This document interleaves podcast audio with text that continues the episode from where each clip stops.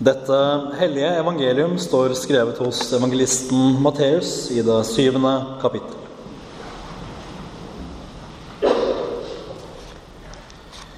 Derfor, vær den som hører disse mine ord og gjør etter dem. Han blir lik en forstandig mann som bygde huset sitt på fjellgrunn.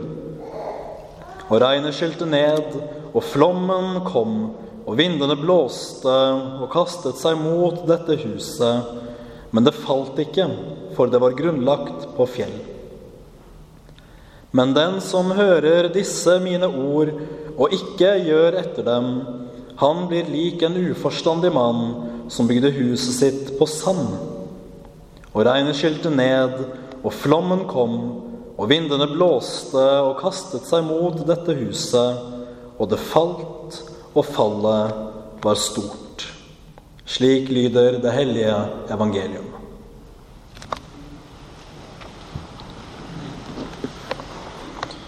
Hellige Gud, ditt ord er sannhet. Hellige oss i sannheten. Amen. Jeg vil bare begynne med å si at når vi hører det lest fra Den hellige skrift, advarsler mot at det skal komme falske lærere og ulver inn i de troendes forsamling, så fylles jeg med en enorm takknemlighet når jeg kan se utover denne forsamling og vet at her sitter det gode hyrder for Herrens folk fra de aller yngste generasjoner og til den andre enden av skalaen. Det gir grunn til optimisme. Nå i dag så er det lignelsen om den forstandige og den uforstandige mann vi har foran oss. Vi har her to menn som hører det samme budskap, men som trekker ulike konklusjoner av det de hører. Det de begge har hørt, er Jesu egne ord, ordene fra Herrens munn. Og den kloke mannen, han handler etter dem. Og den ukloke, han handler ikke etter dem. Det er som om Jesus i lignelsen her har sagt til dem Bygg her.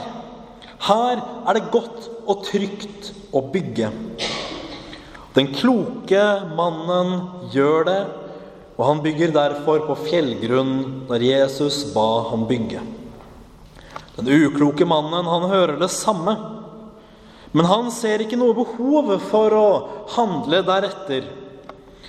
Han går sin egen vei, og han bygger tvert imot Jesu anbefaling. Og Det er interessant å merke seg at den uforstandige mannen, han hørte Jesu ord, han også.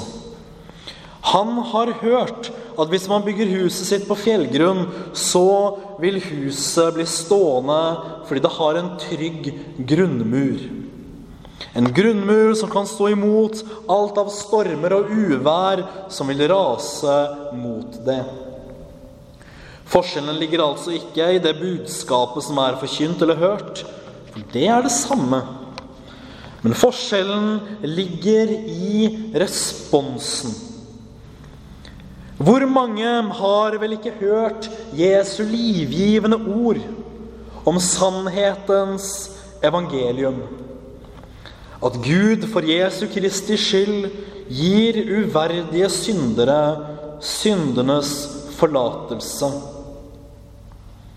På grunnlag av Jesu korsfestelse og oppstandelse, og at hos Jesus alene finnes nåde.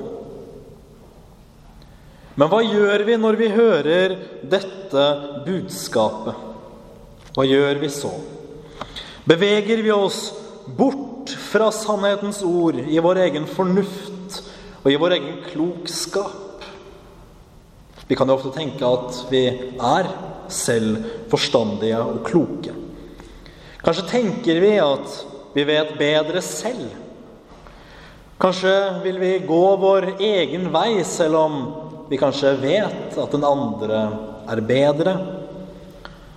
Kanskje tenker jeg at jeg er vel ingen synder som trenger syndenes forlatelse. Jeg gjør vel som jeg selv vil. Men dersom man faktisk har hørt Jesu ord, og deretter velger å ikke gjøre etter den, da har man, for å si det helt enkelt, et problem. Enten det er fordi man tenker at Jesus ikke er verd å, verd å høre på, eller at ens egen vei er den beste å gå.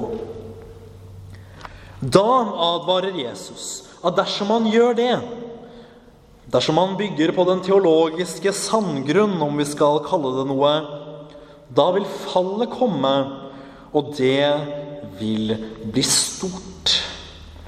Det leder oss til å tenke at konsekvensen av dette er enorme. At det store fall og Jesus beskriver dette her på en måte sånn at det ikke skal være tvil om hvor stort dette fallet er. Det er det verste som kan skje. Ordet som er brukt på gresk, kan bety ting som straff, død, ødeleggelse og å falle ut av Guds nåde. Og også andre ting som jeg ikke har tatt med. Og de foregående ting, straff, død, ødeleggelse, er jo konsekvenser av det siste å falle ut av Guds nåde. Jeg sier det på en måte med enkelhet nå, men jeg tror ikke jeg selv forstår, og kanskje vi andre her heller ikke forstår, hvilken skrekkelige ting dette er. Kanskje vi kan begynne å forstå men jeg tror ikke vi kan forstå dybden i hvilken skrekkelige ting det er å falle ut av Guds nåde. Den kjærlige, faderlige nåde som Gud dekker oss uverdige syndere med. Vårt eneste håp om å bli stående i dommen. Å falle ut av den, det er det verste som kan skje. For da faller man, og fallet, det blir stort. Men saken er jo den at hvis man hører Herrens ord og ikke gjør etter dem, da står man uten unnskyldning for Gud. Fordi da har man faktisk hørt. Så høyt har Gud elsket oss at han selv ble menneske for å lære oss sin vilje om vår frelse og også vinne oss denne frelse. Slik har Gud elsket oss, og da burde vi også høre ham. Men hvis vi da vil unngå det store fall og bli stående i stormen, hva gjør vi da? Jo, vi gjør det Jesus sier. Vi bygger våre hus på fjellgrunn.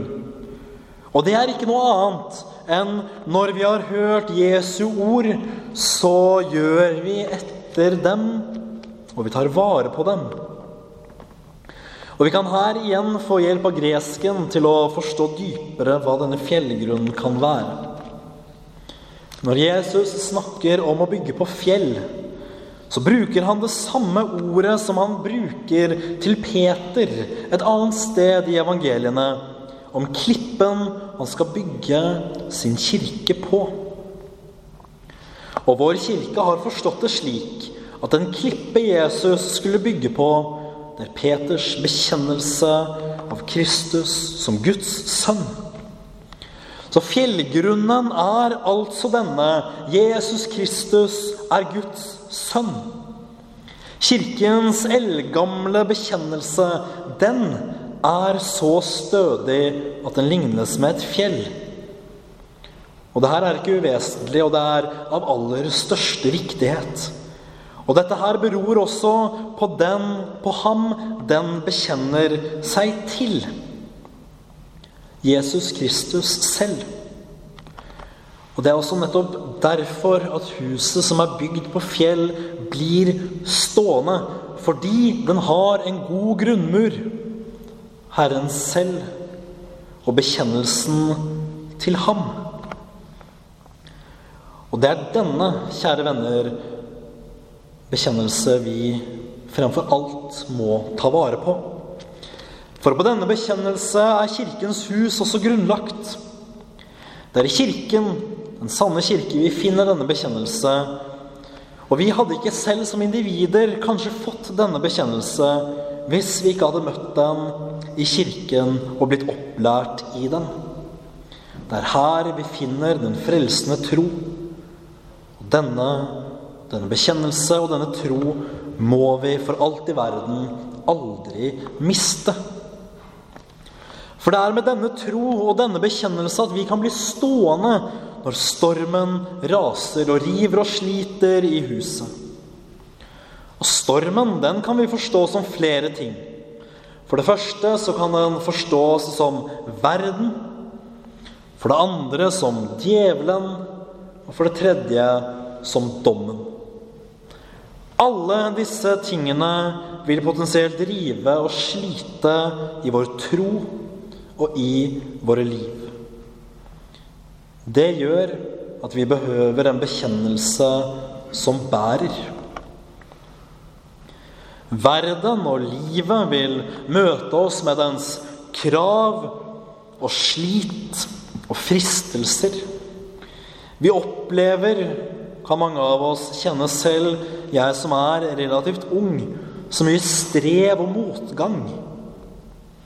Vi kan oppleve sorg og savn, sykdom og lidelse, angst med mer. Vi fristes, og noen ganger faller vi vi synder, osv., osv. Vi trenger en bekjennelse som bærer. Og for det andre så vil djevelen angripe oss slik han har angrepet før. Han vil angripe både oss og Kirken. Han vil angripe oss med listige knep og åpenlyse angrep. Han vil så tvil og anfektelse blant oss. Han vil forsøke å frarøve oss vårt håp og vår sikkerhet. Kan vel jeg være frelst? Kan vel Kristus tilgi meg? Og kanskje aller mest aktuelt i vår tid har Gud virkelig sagt? Ja, Gud har virkelig sagt, er vår bekjennelse. Vi behøver en bekjennelse som bærer. Og for det tredje ved tidenes slutt vil Vår Herre holde dom. Dommen den vil bli holdt etter Hans hellige lov. Og i møte med den dommen kan ingen synder bli stående. Guds vrede over synden den er forferdelig, og han vil dømme oss etter våre gjerninger. Og Da kan man jo spørre seg hvem kan da bli stående? Eller som det står et sted i evangeliene Dette er harde ord. Hvem kan da bli frelst? Hvem kan da bli stående? Hvilken gjerning skal vi gjøre? Og vi svarer da med Jesu egne ord tro på Ham som Gud har sendt. På grunnlag av det Jesus har gjort, finnes det nåde hos Gud Fader. Hos Gud finnes syndernes forlatelse nå. Vi trenger denne bekjennelsen også i dag. Den gode, gamle, sanne bekjennelse. Hos Gud finnes nåde og syndernes forlatelse. Vi behøver og vi trenger en bekjennelse som bærer. Det er fullstendig nødvendig at vi bygger våre liv og vår kirke på den ene sanne grunnvoll som vi sang om Herren Jesus Kristus. Han har selv befalt dette. Og Jesus Kristus har ikke befalt dette fordi han er en eller annen despot som det kanskje noen ganger lignes med i vårt moderne samfunn. Alt Jesus har gjort og befalt, gjorde han av kjærlighet til oss. Og han har befalt at vi skal bygge vår kirke på hans liv, hans død og oppstandelse og hans befalinger av kjærlighet til oss, fordi han vet om alle de angrep vi vil oppleve. Og han har gitt oss seg selv. Og til ham vil vi bygge på. Til ham vil vi bekjenne oss. Fordi bekjennelsen til Jesus Kristus er det sanne og gode fjell som bærer alt. Og som Kirkens herre vil vi lyde ham for kirkens, kirken tilhører ikke deg og meg.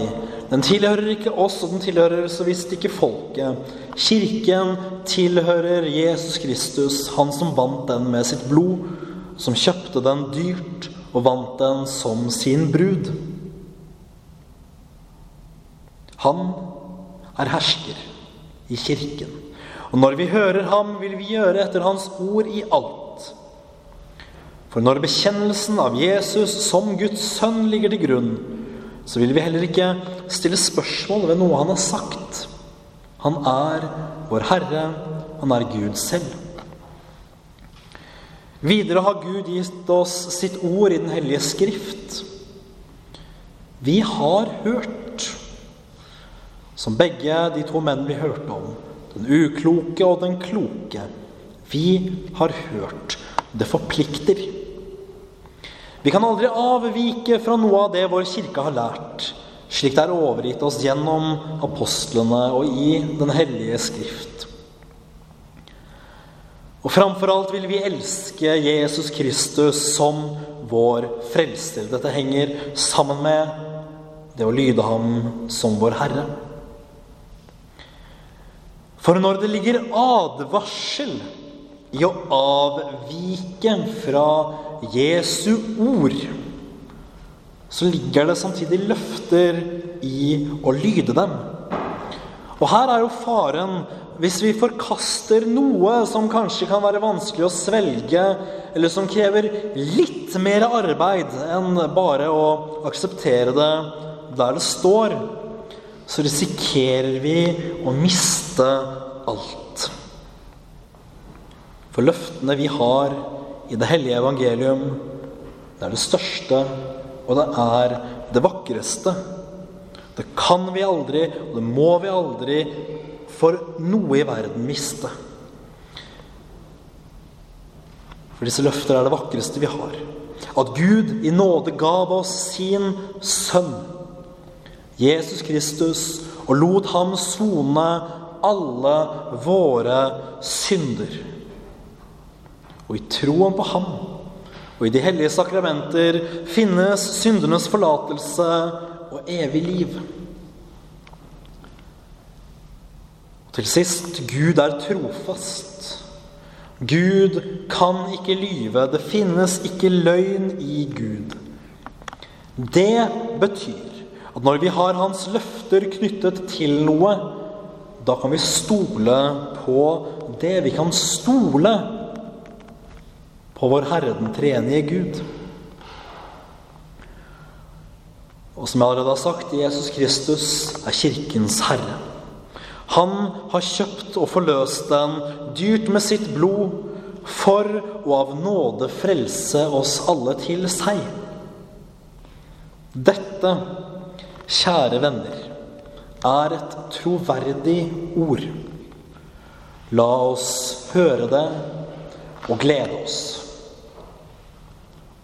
Ære være Faderen og Sønnen og Den hellige ånd, som var, er og blir en sann Gud, fra evighet og til evighet. Amen.